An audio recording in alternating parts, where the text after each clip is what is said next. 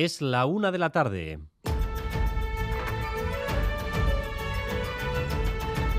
Crónica de Euskadi con Dani Álvarez. A Rachaldeón crece el temor a que la guerra de Ucrania se extienda. Ucrania ha sobrepasado lo que para Vladimir Putin era una línea roja, el ataque a su territorio, con la explosión del puente de Crimea. Aunque ese ataque confirma también que el contraataque de Zelensky no renuncia a nada, no solo a las regiones anexionadas tras las consultas, sino también a la propia Crimea que Rusia se anexionó hace varios años. La venganza de Putin está suponiendo ahora ataques y bombardeos en muchos lugares de Ucrania que llevaban semanas fuera del conflicto, empezando por la propia capital, Kiev. Óscar Pérez, Arrachaldeón. Arrachaldeón sí, ataques esta mañana en Kiev, en Dnipro, Leópolis, Kharkiv y así hasta ocho ciudades. Allí no había combates o ataques desde hace semanas. En la capital ha causado por lo menos ocho muertos, también varias decenas de heridos. Ha atacado infraestructuras de energía, según ha explicado el propio presidente Zelensky. Ha dañado también un puente en Kiev, mandando así un claro mensaje al gobierno de Ucrania, mientras en las otras ciudades los daños y víctimas se están todavía contabilizando. Poco tiempo después de esos ataques, Volodymyr Zelensky ha grabado un mensaje en el que ha pedido a los ciudadanos que no salgan de los refugios. Ucranianos, la mañana es dura. Nos estamos enfrentando a terroristas, quieren generar pánico y caos atacando nuestras infraestructuras y la gente. El enemigo nos quiere atemorizar y hacer que huyamos, pero solo correremos hacia adelante, ha dicho el presidente de Ucrania. En Euskadi, Euskal Herria Bildu amplía su cuadro de de portavoces oficiales. Además de Arnaldo Otegui y Pello Chandiano, desde ahora Bacarcho Ruiz y Unai Urruzuno serán voces referenciales de una dirección cada vez más coral. Y el PSE vive con dulzura el resultado de las primarias donostiarras. La militancia respaldó la propuesta oficial, la de Marisol Garmendia, que se impuso a Don Elorza con claridad. Hoy hay invitaciones a la unidad y también algún pero por parte del exalcalde. La militancia socialista lo que, lo que quiere es una alternativa de, de futuro un nuevo liderazgo y una nueva etapa para el socialismo donostiarra. No lo puedo evitar, no puedo esconder que efectivamente se han producido algunas actuaciones que estaban muy, muy al margen de la neutralidad de algunas personas u órganos directivos de, del partido de San Sebastián. Lo cierto es que la candidatura de Marisol Garmendia confirma una corriente que se establece ya en la política vasca. Las candidatas y candidatos en las principales plazas para las municipales y forales son personas con experiencia en partidos e instituciones y en su mayor parte con más de 50 años de edad. Escasa renovación y largas trayectorias en política.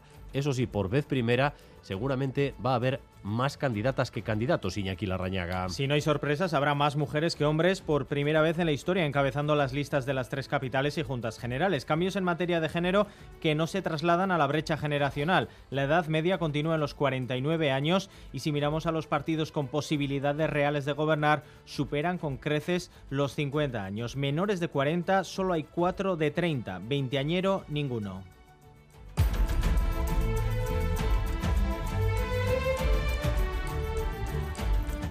A día de hoy, en la atención primaria, una de cada cuatro consultas tiene que ver con ansiedad o depresión. El dato cobra mayor relevancia en este Día Mundial de la Salud Mental, jornada que las asociaciones aprovechan para pedir todavía más profesionales especializados en enfermedades mentales y una mayor visibilidad.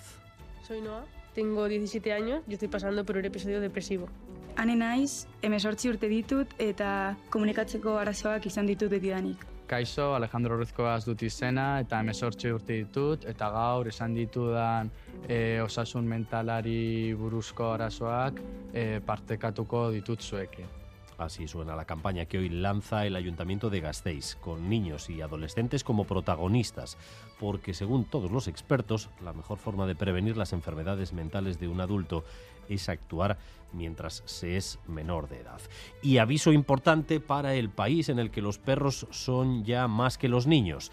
Euskadi se une al grupo de comunidades autónomas en las que vacunar a los perros contra la rabia es obligatorio habrá un plazo de 12 semanas para que los dueños hagan el trámite. Ander López Lerena. Sí, tendrán que vacunarse los perros que tengan al menos 12 semanas de edad y antes de que cumplan las 24. En el caso de aquellos animales que tengan más de esa edad, corresponderá a los dueños gestionar cuanto antes el pinchazo. Hasta ahora, la comunidad autónoma vasca era junto a Galicia y Cataluña una de las únicas comunidades autónomas que no obligaba, obligaba perdón, a vacunar contra la rabia a los perros. En Galdacao, el Festival Música contará con grupos musicales provenientes de Groenlandia, Transilvania y Galicia. Es un festival de música de pueblos sin Estado que en sí mismo eh, lleva la reivindicación de la diversidad cultural y lingüística. Se va a celebrar en la Plaza Iturrondo de Galdacao 28 y 29 de octubre y además de los conciertos habrá otras iniciativas relacionadas con la música. Escuchen a Jon Egusquiza, miembro de Andramari Danza Taldea.